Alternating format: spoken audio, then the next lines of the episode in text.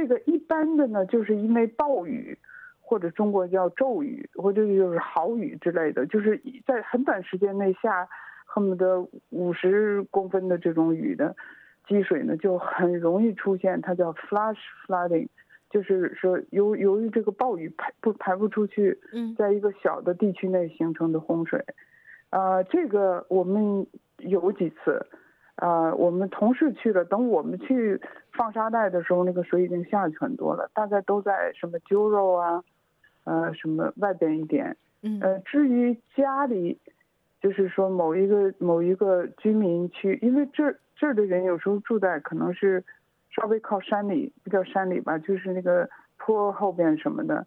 我们看见最邪乎的一次就是，呃，其实是一个孤寡老人，有时候挺多的。嗯。然后那个对面是有，他门前有一条路，然后对面是个山坡，这山坡就完全变成瀑布，不知道上面是哦怎么回事，那水就就哗就下来，然后然后这个房子是在这个瀑布山坡之下。平常没有，瀑布，就是几百年，就是个平常咱们这个居民区里边，就是后来你在开车或者是走到哪儿，你看见这种房子，你说天哪，这个要再下雨，这就是水就直接下来。您是不是在参加了加入到 SES 的志愿团队以后？开始看世界会有些不同了。在我就接着您刚才的话说，在开车的时候，您会看到，哎，路过的眼睛看到的一些啊、房屋的所在地，您就会有判断了。而这个是在以前您可能没有的。嗯，以前不会去注意。另外呢，对下不下雨非常敏感，就是这个雨如果下超过一个多小时，我们就会接到哪家房顶漏了什么的通知。啊，是这样。嗯，就会有人打电话。这个呢，我觉得跟就是说，咱们平时作为预防吧，嗯，呃，应该清理这个房顶的这个防水这个漏水槽，然后它下我们叫 down pipe，就是下来的这管子。其实很多有很多家人一住住几十年，那个管子基本上应该是堵死的。嗯就是因为这些水槽啊、管子都堵死，而且院子里的下水的排水道也堵了，这样就容易产生。实际上，澳洲总的来说，它这个排就是至少是我们这个区吧，没有什么特别多的河嘛，所以它整个排水系统其实还是还可以。就是再像昨天晚上那样的雨，应该不会发生什么。但是我自己家房子有些结构问题，会会也是之前也是把楼下泡掉了。那这个没办、没办法，就是他这盖房的时候，那时候没有那么多雨，嗯后来就就也是怎么说呢？对气候，对什么这些问题会比以前敏感很多。我知道陆佳宁加入到新南威尔士州紧急服务 SES 是有一年多的时间了。加入这个机构，我相信肯定是一个很了不起的决定，但背后到底是一个什么样的冲动啊？家里人支持吗？呃，哦，家里人支持。是这个加入 SES 呢，是我很多年的愿望。因为有一年，我不知道你还记得不记得，大概很多年前，十几年前吧，有一年在那个墨尔本杯 Melbourne Cup 那个那天下午三点多钟，就墨尔然后我本们赛马赛马节那天，整个我们这个地区被一个暴风袭击，那个雨不太大，就是下了点雨，然后就刮那个风。我们院子里前前后后，呃，加上邻居的倒了三四棵树，街上街上那些大树枝掉下来，把电线砸了，都是 SES 的人来。我一看，嗯，有年轻的像小姑娘那样的，也有老的比较有经验的。嗯这个 SES 呢，它不是给你修复，它只是排除险情。比如说，你这树倒在车道上，你家里开不出去了，嗯，车开不出去了，对不对？生活受影响了，我们会清理车道，然后砸到房屋上，房顶漏了，或者是这个进出门很危险，我们就是排除险情。嗯然后你这个修理呢，还是要找专业的人士。当时您的房屋嗯也就是遇险了，所以是您亲眼看到 SES 的人对对志愿者在帮您做刚才您讲到的这些清理的工作。对，就是那时候才知道有 SES，后来就一直想，但是我我个人是觉得你这个挺花时间的，要没有时间不能保证培训，你就干脆先别做。就说做呃志愿者要花很多时间，嗯，真的要要要你要贡献自己的时间的，要多少时间呢？就您的经历来看，这一年多刚好你也碰上了很多很多的洪灾大雨，是吧？对对，就是历史罕见的。你平均每周大概多少小时？每周的培训嘛，一般三个小时。然后呢，我们比如说技术，呃，我们除了正常的培训，学点理论，实际操作，修这个技术的这个牵手啊，我们叫就是链子的技术的机器。然后还要有一个集中的两天在郊外有树的地方，你要实际上真正去去实际操作，嗯，差不多就是一周三个小时，然后大概每个月可能会参加一天的这种集中培训吧。呃，另外 SES 是这样，它呢有几个大的大的这个怎么说职能吧。一个呢，就是说我们像平常这样，呃，参加培训啊，参加抢救啊，还一个呢，呃，排除一些险情，还有一些抢救人员。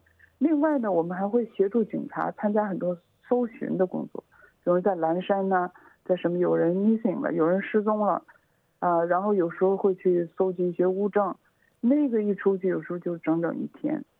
呃，另外还有很多社区活动，比如说像。前一段在这个 Barara 有一个什么 Woodchop 这样一个砍树砍树节，然后我们也是去了一整天，嗯，还有当地的这些，呃，我们有这个兄弟单位吧，不叫兄弟单位，这个它叫呃郊区呃这个这个救火队站，它的这个开放日我们也去配合一下，呃顺顺便宣传一下 ICS，所以这是具体。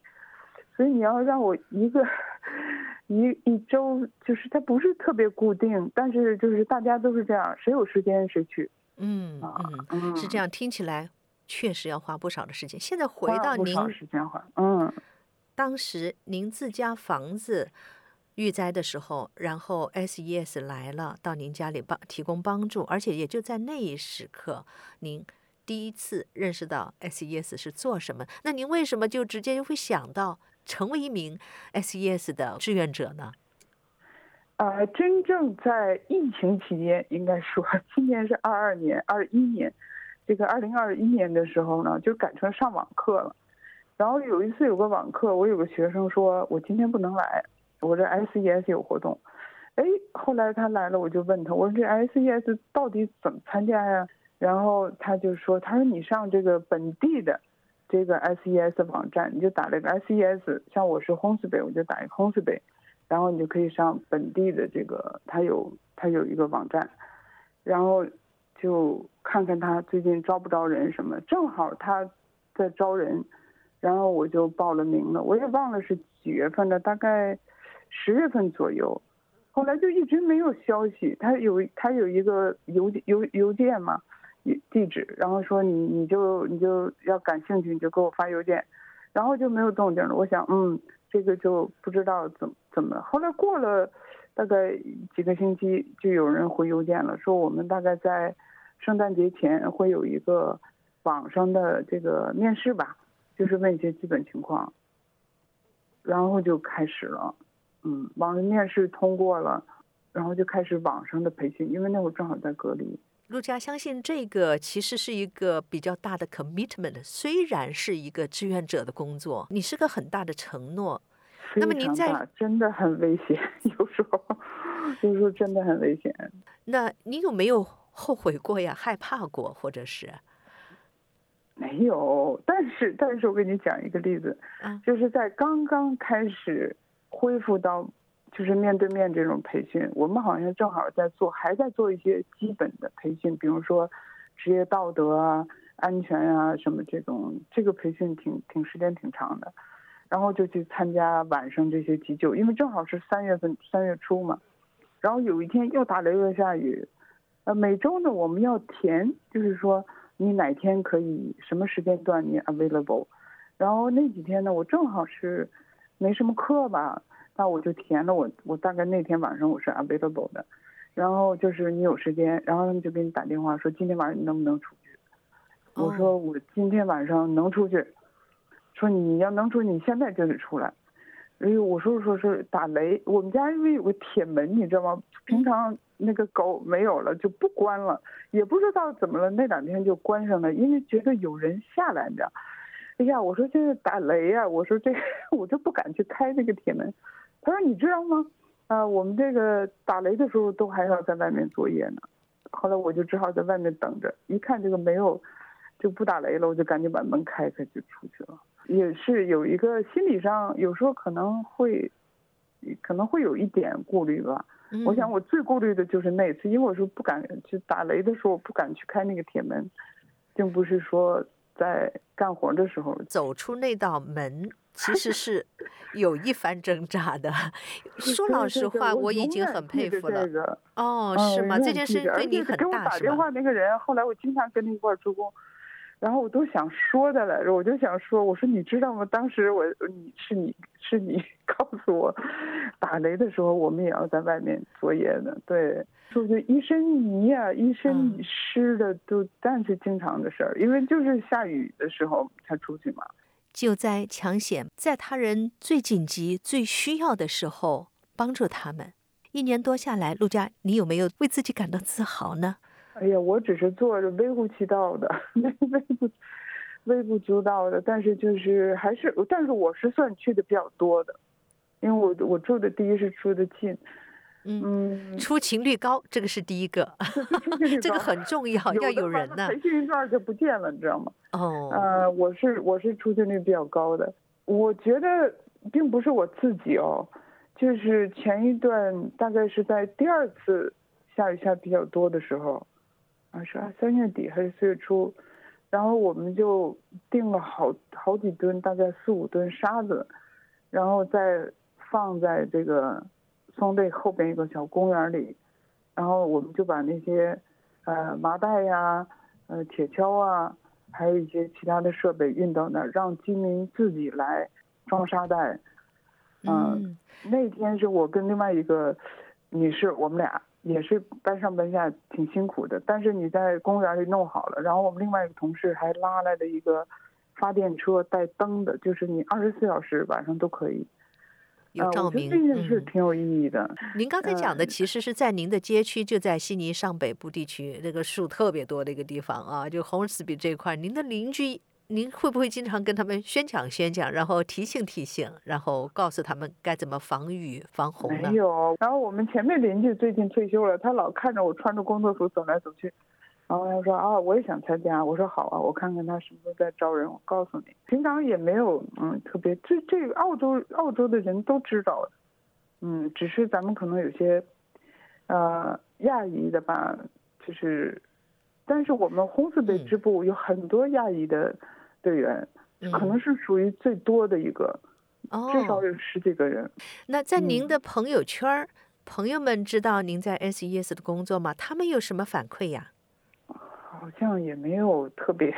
您不怎么说，是吗？啊，我就有时候说哦，我说我今天晚上去 SES，然后他们说，哎，我说你你怎么不怕累啊？我说我说还行吧。家里人怎么说？嗯，我老公是不管的嘛，我女儿鼓励，我女儿鼓励我。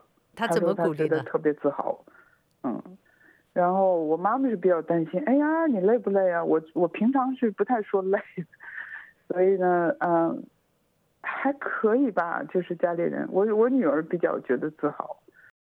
最重要的呢，就是要关注这个信息，一个是手机上现在都有天气预报什么，还一个看我们 SES 网站，它会第一时间。在哪个区可能会有发水的危险？呃，另外呢，还有一个呢，就是说，如果你住在靠近北边啊，或者是西边河边上，或者你的房子可能在比较低洼的地方，另外呢，有些郊区呢，可能是你在这个防洪堤后面，这样呢，你要做好这个防洪的计划，比如说准备一些沙袋呀，或者是呃其他的措施，把贵重东西往高处放一下。呃，另外呢，就是有时候虽然不是在河边，但是在内陆完全有可能因为下暴雨发生洪水，所以你要这个要密切观察。呃，另外呢，我们有一个新的预警系统，就是说他先叫你观测，注意各种信息；第二呢，做好准备行动；第三是立即行动。这个立即行动呢，SES 会发这个区的可能，比如说是泄洪区啊，或者是河边上啊，可能这个上边的上游的洪水下来，让你尽早撤离。这个时候呢，你一定带好自己的物品，说让你撤离你就撤离，别犹豫。为什么洪水一来你就撤不出去了？所以咱们就是我觉得，可能上次也有一些吧，就是在洪水区，有的人就没有撤离，啊，没有及时撤离，实际上他可能通知了，所以这个时候你要不撤呢，以后救援就有时候很困难或者拖很时间很长。还有一个非常重要的是，你可以通知自己的亲属在其他地方的或者朋友。就是如果你撤出来以后，你说哦，我能不能上你家里暂时住几天啊？我们这可能有什么情况？所以这些咱们叫未雨绸缪吧，或者是有备无患，就是你要事先做好各种准备，呃，这个非常非常重要。如果要加入 SES，嗯，难吗？不难，不难，不难。我们是志愿者，什什么年龄段，什么什么体型的都可以来。什么什么什么都可以，不要担心自己不是特别，就是说可能 muscle 里特别 fit。哎，我们有一个很简单很简单体能测试。哦。嗯嗯，但是就是说，因为它里头有很多很多的角色，你可以做，你可以选择参加完基本培训之后，你可以选择自己上哪个方向。像我因为住的比较近，那我就说哦，我在帮你们帮忙做一些物流方面的事儿吧。嗯，然后就是什么叫物流呢？就是后来正好我们管食品跟医药的这个这个很有经验一个队员，他们搬家了，然后我们几个就就承担起了这方面工作。